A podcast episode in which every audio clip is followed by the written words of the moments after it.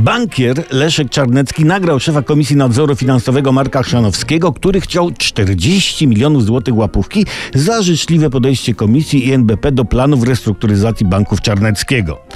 Łapówki to się teraz tak bierze, słuchajcie. Ten główny łapówkobiorca sugeruje, żeby za na przykład 40 milionów pensji w 3 lata zatrudnić znajomego łapówkobiorcę pośrednika, który oczywiście gro kwoty przekazuje głównemu ła- łapówkobiorcy.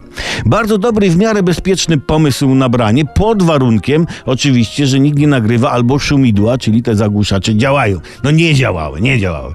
Myślę, że będę reprezentantem swoich wyrazicieli, jeśli pewien rozsądek i umiar w tej domniemanej jeszcze, choć noszącej znamiona prawdy, propozycji łapówkowej.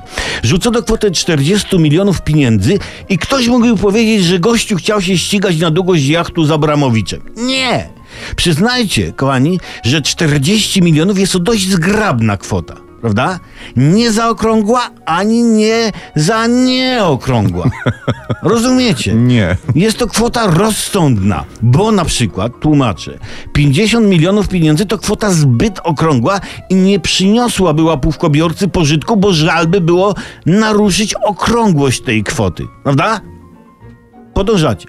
Z kolei suma na przykład 35 milionów jest na tyle nieokrągła, że od razu by się rozeszła. Natomiast 40 milionów to suma, której nie żal napocząć, ale jednocześnie występuje impuls, żeby część zaoszczędzić na czarną godzinę, gdyby kolejna łapówka się nie przytrafiła. Nadążacie. No i jeden poważny wniosek płynie z całej tej afery. Szumidła koniecznie do naprawy. Żeby człowiek przez takie pierdoły nie mógł przytulić paru groszy?